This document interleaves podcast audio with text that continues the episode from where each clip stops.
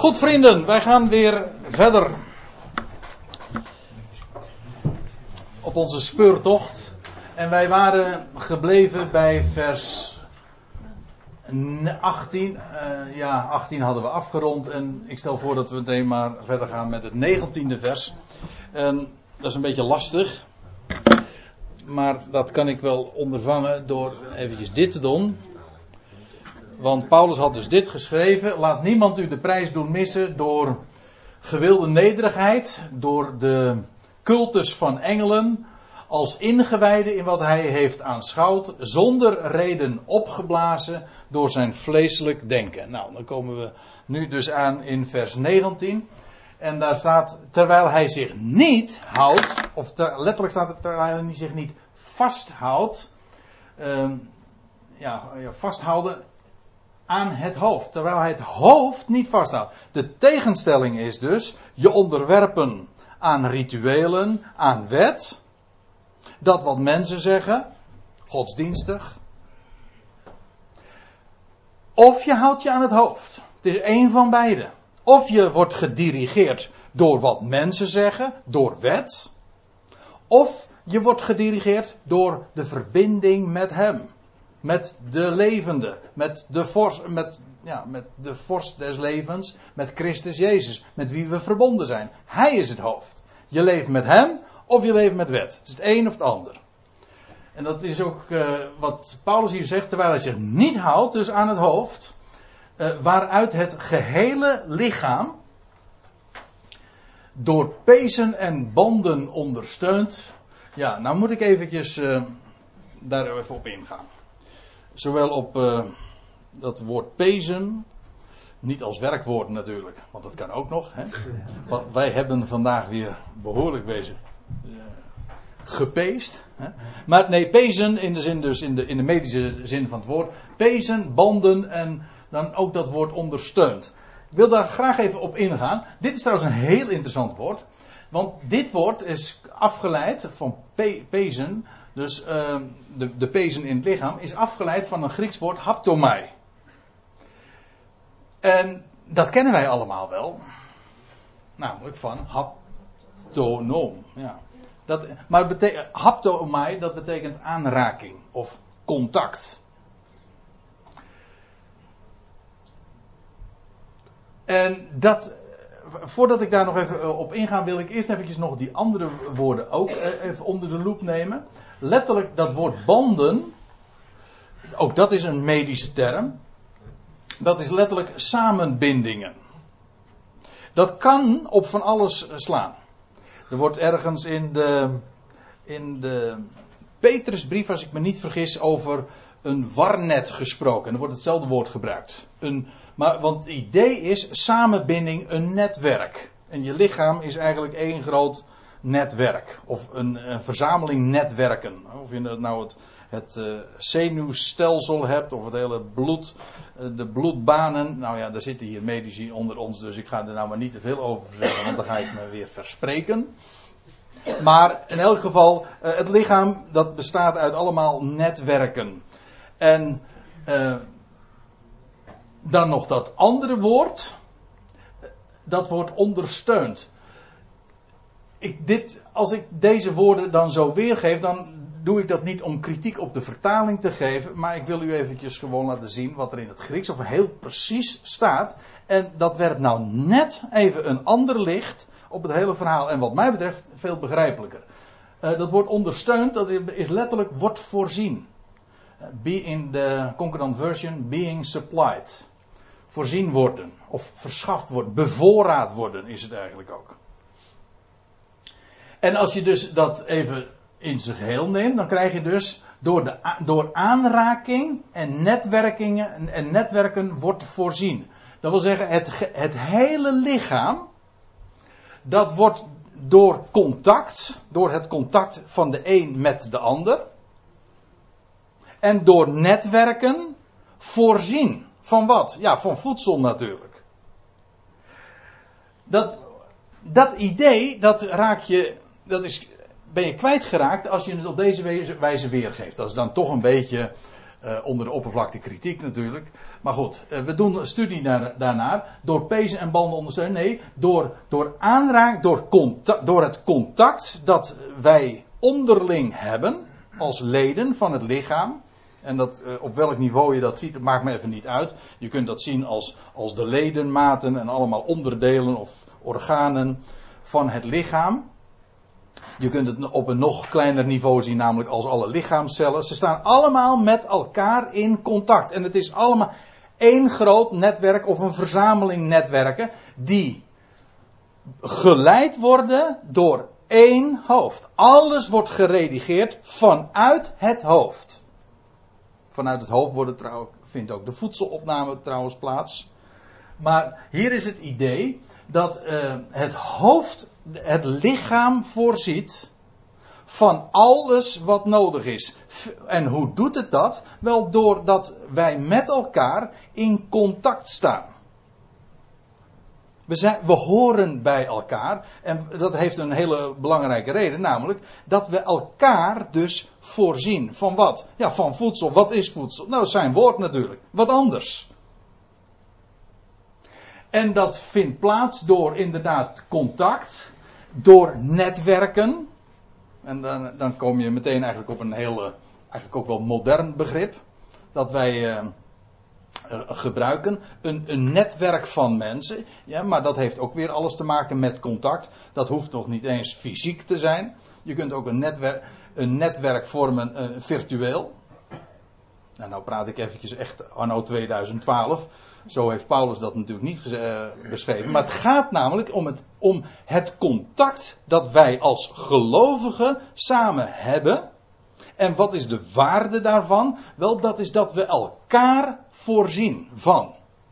Dat we elkaar aanmoedigen. Hoe vaak lees je niet in de brieven dat Paulus dan zegt dat we elkaar, ja, ik weet het, dan wordt het in de vertaling gezegd vermanen, maar er staat gewoon bemoedigen of aanmoedigen. Eh, of daarnaast roepen, of in elk geval het idee van bemoedigen. Je hebt elkaar gewoon ook nodig. De een de ander en de ander de een. Dat is een wisselwerking. Maar er zijn ook, en zo ontstaat er een heel netwerk. En je moet dat uh, heel concreet zien. Dat wil zeggen, kijk, het, het, hoofd, dat weet ik wel, dat is ontrokken aan het oog. Zijn, hij is daarboven. Maar hij, en hij heeft een lichaam. En wij zijn leden van dat lichaam. Maar wij vormen een eenheid. Dat wordt niet gezien. Het is geen organisatie die besluiten neemt, die zegt van wat jij moet doen. Dan praat je over.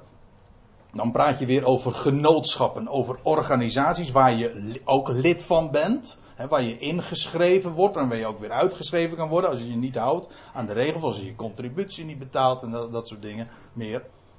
Maar dat is, dat is een menselijke organisatie. Het lichaam is geen organisatie, dat is een organisme. En waartoe je behoort door geloof. Je bent één met hem. Je zegt amen op zijn woord. Wel op dat moment ben je door één geest tot in één lichaam gedoopt. Met dank aan Paulus in 1 Korinthe 12, vers 13. Zo zegt hij dat. En zo vormen we als gelovigen een eenheid. En hoe, hoe, hoe regelen we dat leven nou? Nou, dat regelen we helemaal niet. Dat hoeft ook helemaal niet door ons geregeld te worden. Dat zo werkt een lichaam ook niet. Het lichaam wordt geleid door het hoofd. Dat is het idee. Het, het hoofd ondersteunt alles in het lichaam. En daarom is het van belang, inderdaad, dat die leden elkaar, dat ze in contact staan en dat ze elkaar voorzien. En zo voorziet hij, ook dat wordt ondersteund, we worden voorzien van voedsel door het hoofd. En middels contact met elkaar. In de praktijk werkt het zo. Ik weet, je kunt ook gewoon rechtstreeks met het woord leven, maar dat en eh, rechtstreeks met het woord bezig zijn. Ik bedoel, gewoon puur persoonlijk en zo dingen ontdekken en vinden. Is geweldig. Maar ik denk ook dat juist als je dat mag doen, dat de waarde daarvan is gelegen in het doorgeven ook weer daarvan. Dat hou je niet voor jezelf. Nee, die bedoeling is dat je die rijkdom vervolgens ook weer doorgeeft. Nou, hier gaat het dus over het gehele lichaam.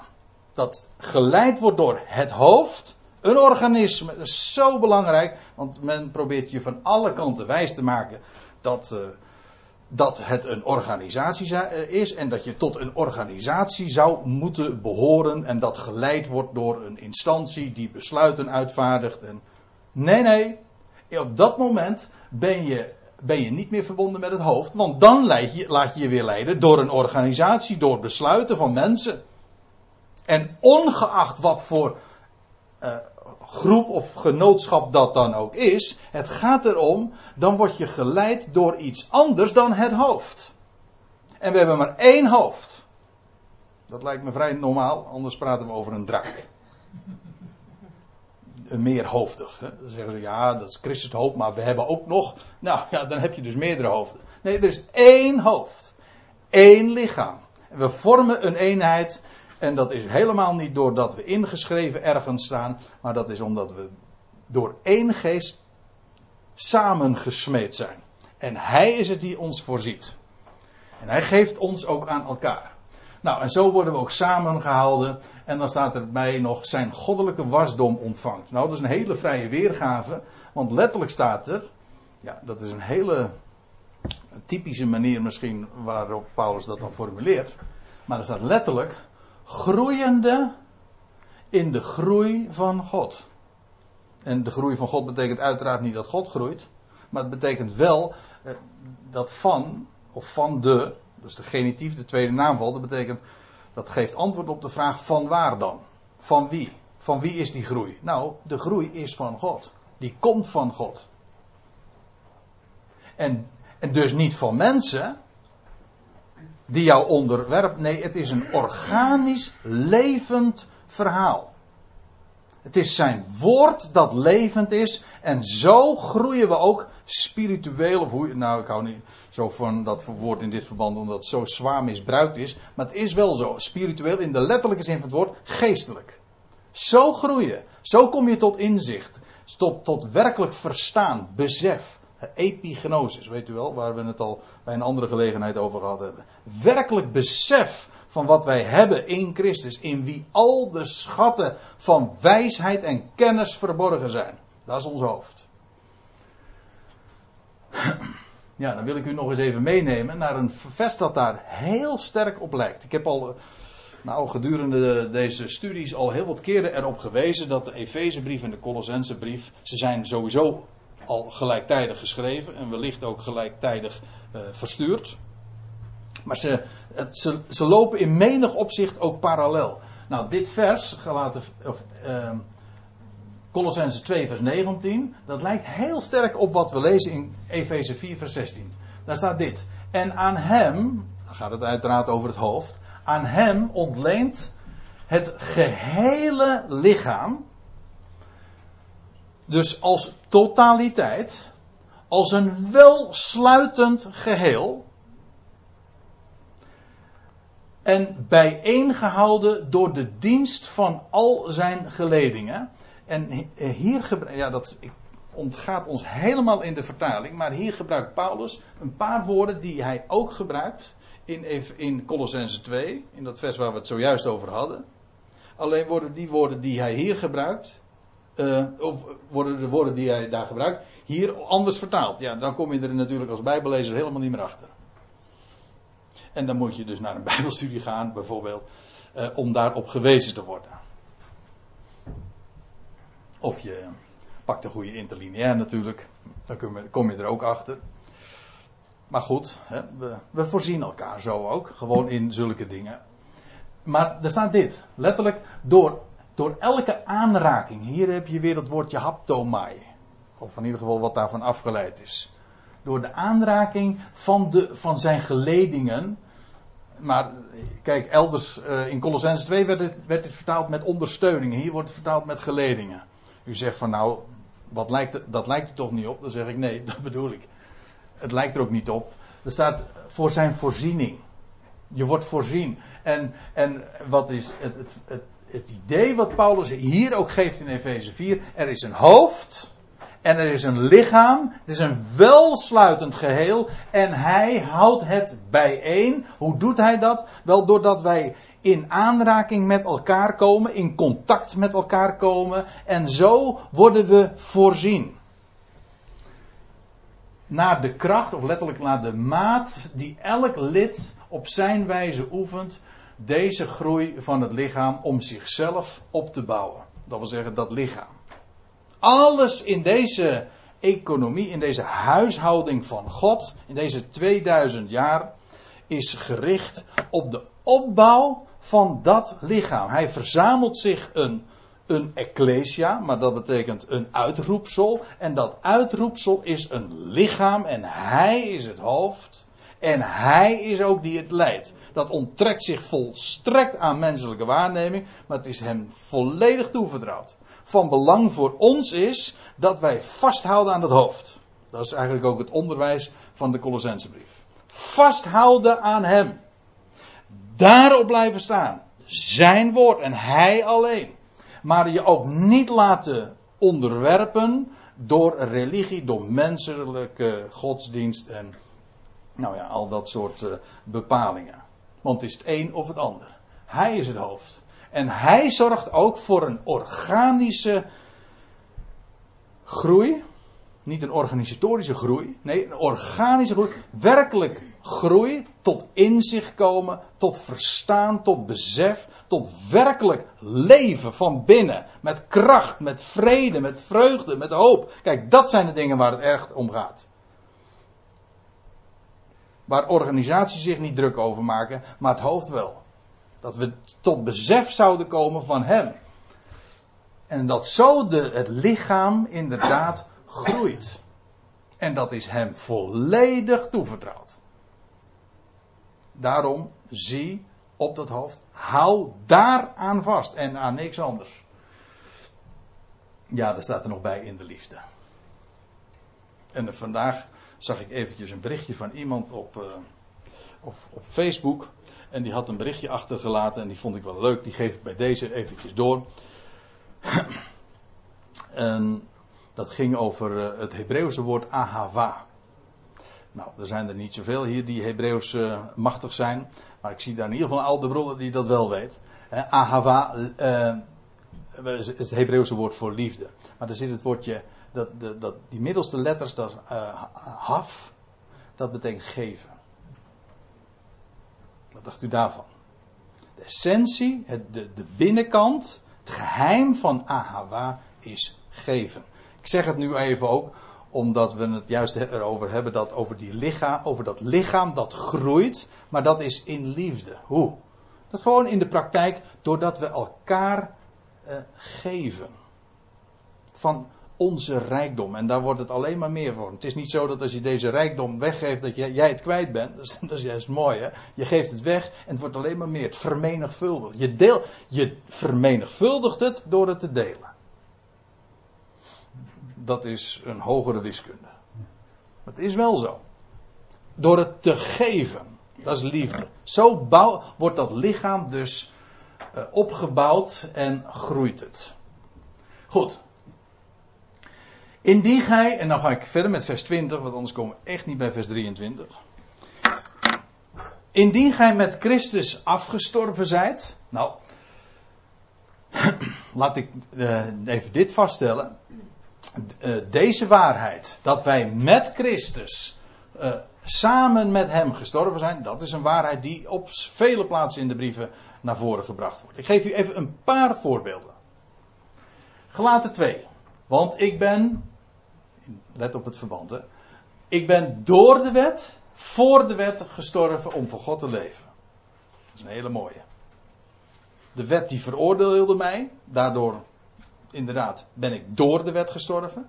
Maar daardoor ook voor de wet. Want als ik veroordeeld ben, dan, dan heeft de wet dus vervolgens geen heerschappij meer, meer over mij. Want de wet heeft alleen maar het voor het zeggen voor doden. Over doden. Uh, pardon. Over levenden uiteraard op het moment dat je dood bent, dan heeft de wet geen heerschappij meer over je. Dus daarmee heft de, de werking van de wet zichzelf op. Door de wet word je veroordeeld en, word je, en En daardoor ben je ook voor de wet gestorven. En dan pas begint het leven. Staat hier, hier ook.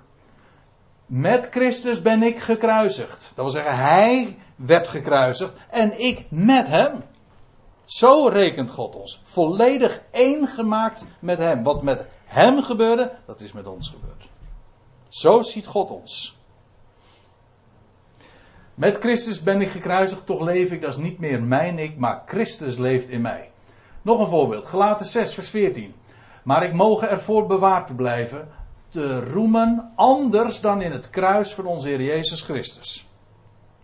Let op het verband trouwens. Ja, nou, dat is moeilijk te zeggen nu, want ik eh, laat het verband niet zien. Maar het verband gaat hier over mensen die ook de anderen tot eh, onderwerping aan de wet wilden brengen.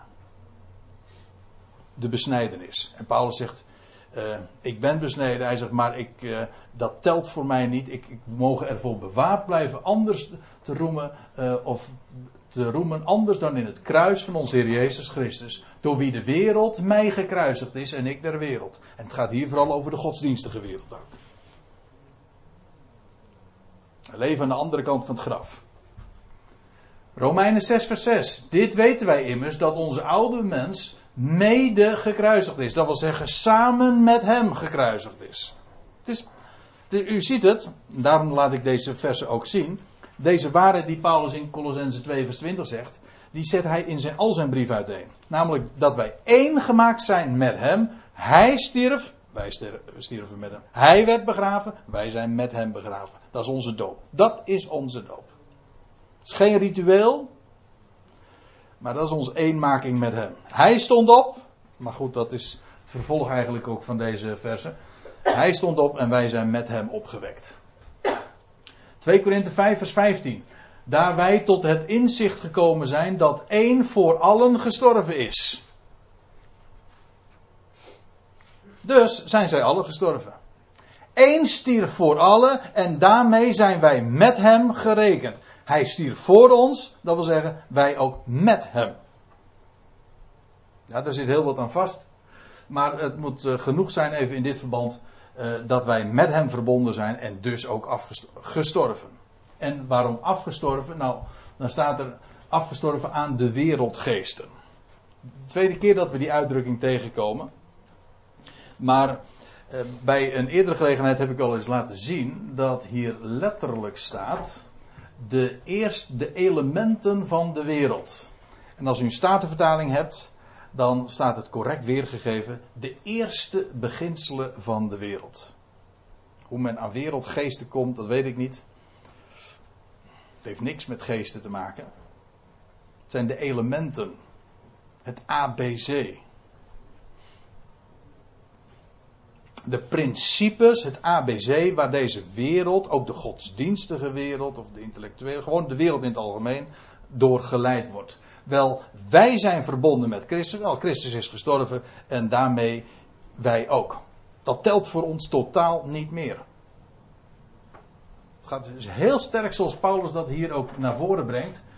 Uh, want, ik ga nu even verder. Waartoe laat gij u, alsof gij in de wereld leefdet?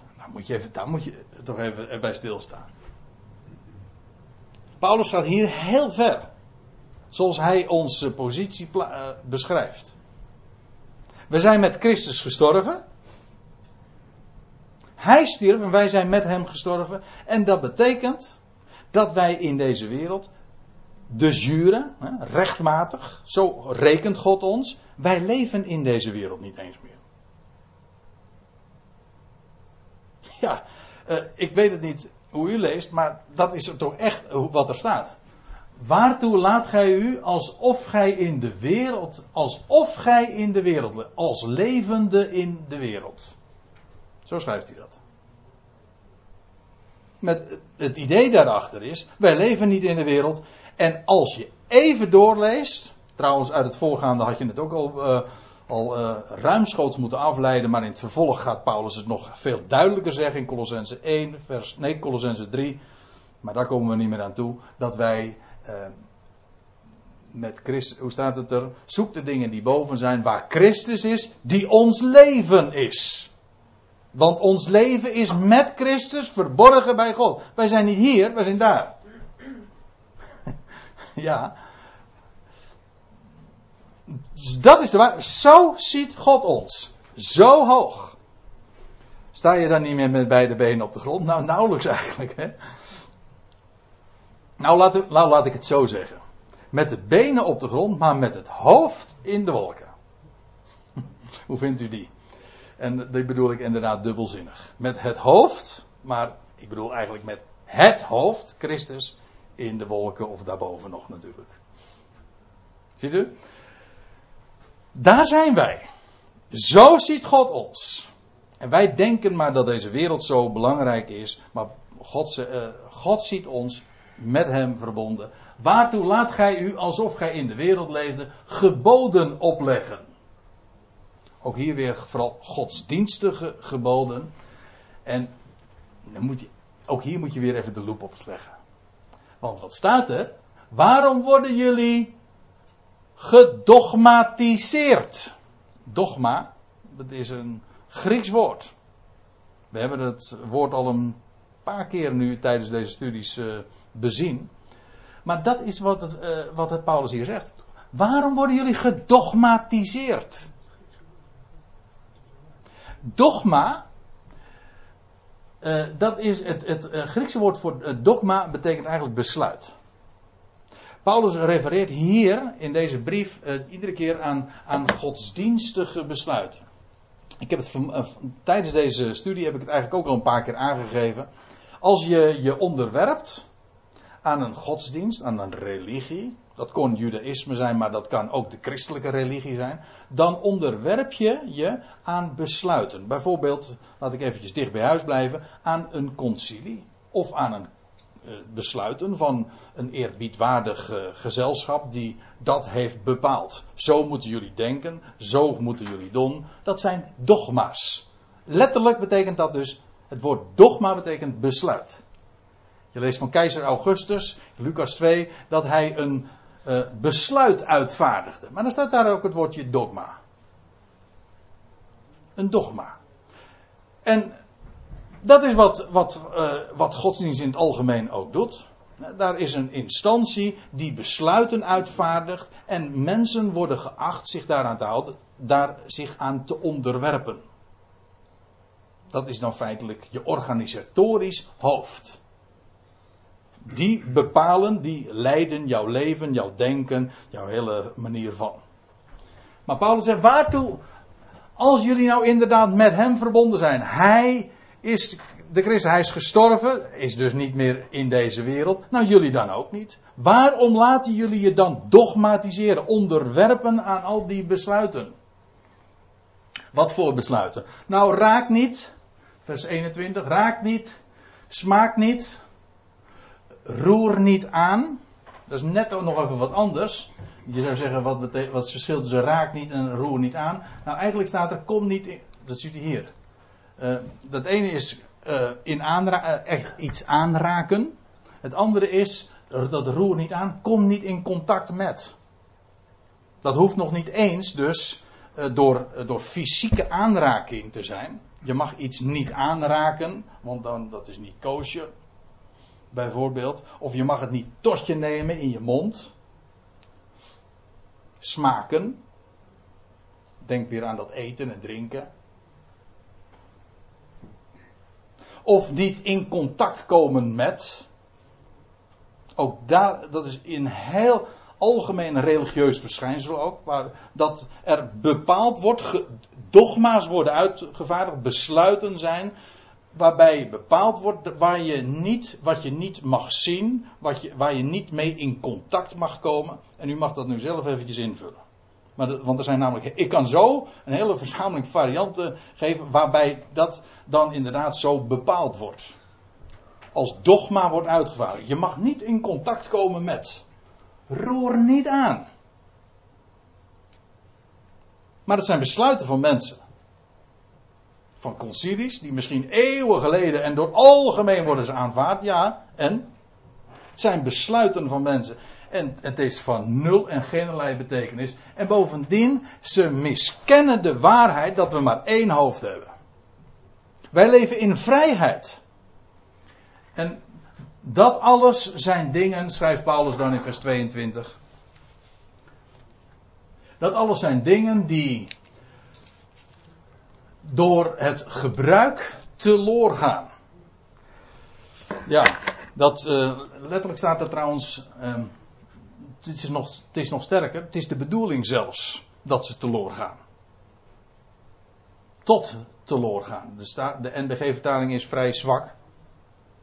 Maar dat alles zijn dingen, zulke bepalingen van raak niet, smaak niet, roer niet aan. Dat zijn uh, dingen die door het gebruik teloor gaan, zoals dat gaat met voorschriften en leringen van mensen. Kan me niet aan de indruk onttrekken dat Paulus hier ook nog de parallel uh, meeneemt, waar hij het net over had, over, over die geboden van mensen, over wat je, niet, uh, wat je tot je mag nemen en wat je niet tot je mag nemen. Nou, en dat is net als met voedsel, je neemt het tot je en vervolgens verlaat het het lichaam, om het eens even netjes te zeggen allemaal. Dat, dat, dat, zo gaat dat. Dat is allemaal tijdelijk. Maar zo gaat het. En Paulus trekt de parallel met dat, dat teloorgaan. Met die geboden en voorschriften. Nee, voorschriften en leringen van mensen. Want zo wordt dat uh, bepaald. En na verloop van tijd gaat het toch weer teloor. Dat is ook iets waar je. Ja, Het is nog niet zo lang geleden dat ik een gesprekje had. Dat was tijdens uh, de, de cursus die ik gaf. Dat ging het over. Uh, ik, uh, ik, geef dus les aan, aan Polen. En zoals u weet, Polen dat is voor een groot gedeelte rooms-katholiek. En toen ging het over de biecht. Nou ja, degene die een rooms-katholieke achtergrond hebben, die weten ongetwijfeld waar, waar, ik het nu over heb. vroeger moest je, dat was zo'n besluit, hè, dat was ook hoe dat precies geregeld was, weet ik niet. Of het pauselijk, ik neem aan van wel. Maar in elk geval, dat waren besluiten van concilies, van de paus of whatever. In de, protestantse wereld spreken ze dan over synodes, maar over besluiten, dat moest zo. Met een enige regel, moest er gebiecht worden. Nu is dat helemaal voorbij. Dat, dat, zijn van die, dat zijn van die geboden en leringen van mensen. Dat op een bepaald moment is dat absoluut bindend, een besluit waarin je onderworpen bent, maar het gaat dan ook weer voorbij. Dat, dat geldt trouwens niet alleen maar voor de biecht en uh, voor rooms-katholieke gebruiken. Je ziet dat in de protestantse wereld net zo goed. In de evangelische wereld. Er zijn bepaalde gebruiken. Zo hoort dat. Maar uh, ja, niemand weet waarom eigenlijk. En na verloop van tijd dan is het, dan is het ook. Ja, een hype is van nog korter duur. Maar zulke besluiten, zulke, ja, een bepaalde frame, een bepaalde mindset van zo moet dat, zo, worden, zo denken wij. Als, als het niet gebaseerd is op het woord, dan gaat het gewoon weer voorbij. Zo gaat het met leringen en voorschriften van mensen, schrijft Paulus. Dit toch is, al staat het in een roep van wijsheid. En dan zegt hij eigenlijk, het heeft uh, een woord inderdaad van wijsheid. Dat is waar. Die reputatie heeft het van wijsheid. Maar met zijn eigen dunkelijke godsdienst. En hier zie je het. Hier kom je dat, dat woordje ritueel weer tegen waar we het eerder over hadden. Over de rituelen, de cultus van, van engelen. Ja, maar het is een eigenwillige cultus. Men heeft zelf iets bedacht. Want van de wet van Mozes kun je altijd nog zeggen dat God ooit zijn wet heeft gegeven aan het volk, Israël. Maar dat was aan één volk, niet aan de volkeren. Aan naties sowieso. Natieën waren nooit onder de wet. Maar bovendien, het was voor tot een bepaalde tijd. Tot op de Christus. En daarmee was het stenen tijdperk, om even bij de term te blijven, voorbij. Maar dit, waar in uh, men zich warm voor maakte. Dat wil zeggen wat gepredikt werd en waar men voor dreigde te gaan vallen. Of in ieder geval, dat, was, dat waren leringen die daar ge, gebracht werden. Het was een eigen dunkelijke godsdienst. Het was, men had dingen van hier en vandaar genomen uit filosofie van de Grieken, uit het Judaïsme, de godsdienstige stromingen van het Judaïsme en misschien nog wel van andere ismen. Ja, het is me wat hoor. Hm. Maar men had allemaal ismen bij elkaar verzameld. Eh, al, eclectisch noemen ze dat. Hè? Iets hier en iets daar. Iets uitgezocht en dat bij elkaar gebracht. Maar het, is een, het, het geheel is gewoon man-made. Dat wil zeggen, puur menselijk bedacht. Knap misschien, of niet knap, maakt niet uit. Maar het is eigen dunkelijke godsdienst. Letterlijk staat er een eigenwillige cultus. Zelf bedacht. Zelf gewild. Met zijn eigen dunkelijke godsdienst, zijn nederigheid. Nou, daar hadden we het al even over, want dat is wat men dan predikt. Onderwerping aan. Dat lijkt nederig, maar het is dat allerminst. En zijn kastijding van het lichaam. Ja, dat is wel grappig. Want er staat dus eigenlijk het niet sparen van het lichaam. Ook dat is. Ik, uh, voor de pauze gaf ik er al eventjes kort aan. Maar dat is een typisch ding ook van religie. En iedereen die niet religieus is, die herkent dat ook onmiddellijk bij, van godsdienst. Ze maakt, het is vaak ook tegennatuurlijk. Bijvoorbeeld, we hadden het over eten en drinken, maar wat dacht u over seksualiteit? De wijze waarop godsdienst daarmee omgaat. Zo spastisch, als wat. De wereld heeft er geen probleem mee, maar godsdienst altijd. En men, men, men spaart het lichaam niet. En men, men, er staat hier de, kast, de kastijding van het lichaam. Dat zeggen het niet sparen ervan. En dat lijkt godsdienstig, of dat lijkt uh, dan het vlees te onderdrukken. In werkelijkheid, zegt Paulus, het is zonder enige waarde, dat is één ding. Maar het dient slechts tot bevrediging van het vlees. Ziet u de tegenstelling? Men spaart het lichaam niet, maar in werkelijkheid bevredigt men het vlees slechts. Het is slechts uh, voor uh, het ego. En dat niet alleen. Je kunt het ook nog van een andere kant benaderen, en dat is wat Paulus dan zegt, dat in Romeinen 7, in 1 Korinthe 15, dat de wet de prikkel is van de zonde, van het vlees. De wet zegt, je mag, je mag dat niet doen. En wat wordt er juist dan geactiveerd? Het, is, het leidt slechts daar. Het, de, het accent wordt juist gelegd op het vlees. Doordat het onderdrukt wordt. Dus daar zit hier ook iets. Uh, ja, iets. Het is eigenlijk heel ironisch door als Paulus dat zegt. Het is, men spaart het lichaam niet, men spaart het vlees niet, maar in werkelijkheid is het slechts, of tot tot bevrediging van het vlees. Dat is wat het is. En daarmee heeft Paulus toch wel in hele scherpe bewoordingen, mag ik wel zeggen, de godsdienstige wereld en dat wat daar in Kolossen gepredikt werd, aan de kaak gesteld. Dat is vrij negatief. Deze laatste verse geeft, schildert Paulus eigenlijk wat, wat menselijke godsdienst, eigenwillige uh, godsdienst, eh, cultus allemaal inhoudt. En dan gaat hij vervolgens in hoofdstuk 3 uh, eh, spreken. En, maar daar wil ik verder. Uh, dat wil ik bewaren tot, het, tot de volgende avond. Maar dan wordt het natuurlijk echt mooi. Met name die eerste vier versen. Die zijn zo mooi, zo verheven. Omdat het namelijk leidt tot dat waar Paulus naartoe had geschreven. Indien gij dan eh, met Christus opgewekt zijt, zoekt de dingen die boven zijn, waar Christus is, gezeten aan de rechterhand Gods.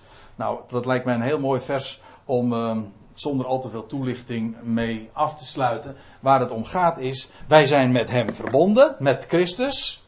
Niet met, niet met uh, onderworpen aan, aan godsdienstige organisaties, besluiten, instanties, bepalingen. Wij zijn volstrekt vrij mensen en we leven met het hoofd en hij is daarboven en wij zijn met hem verbonden. En inderdaad, je moet dat zoeken. Het idee daarachter is, ik gaf het eerder al in de avond even aan, hij is verborgen. En omdat het verborgen is, heb je, moet je het zoeken. Het ligt niet voor het oprapen, het is niet te zien, maar dat hoofd is daar. En maar uh, waar is hij dan wel gezeten aan de rechterhand Gods? En daar is ook ons leven. Nou, wat dat zoeken inhoudt. Ik stel voor dat we daar de volgende keer eens wat dieper uh, op ingaan. Want uh, dat, daarmee betreden we een prachtig onderwerp over het zoeken van de dingen die boven zijn. Waar we inderdaad toe geroepen zijn. En ik stel voor dat we het daar voor vanavond bij laten.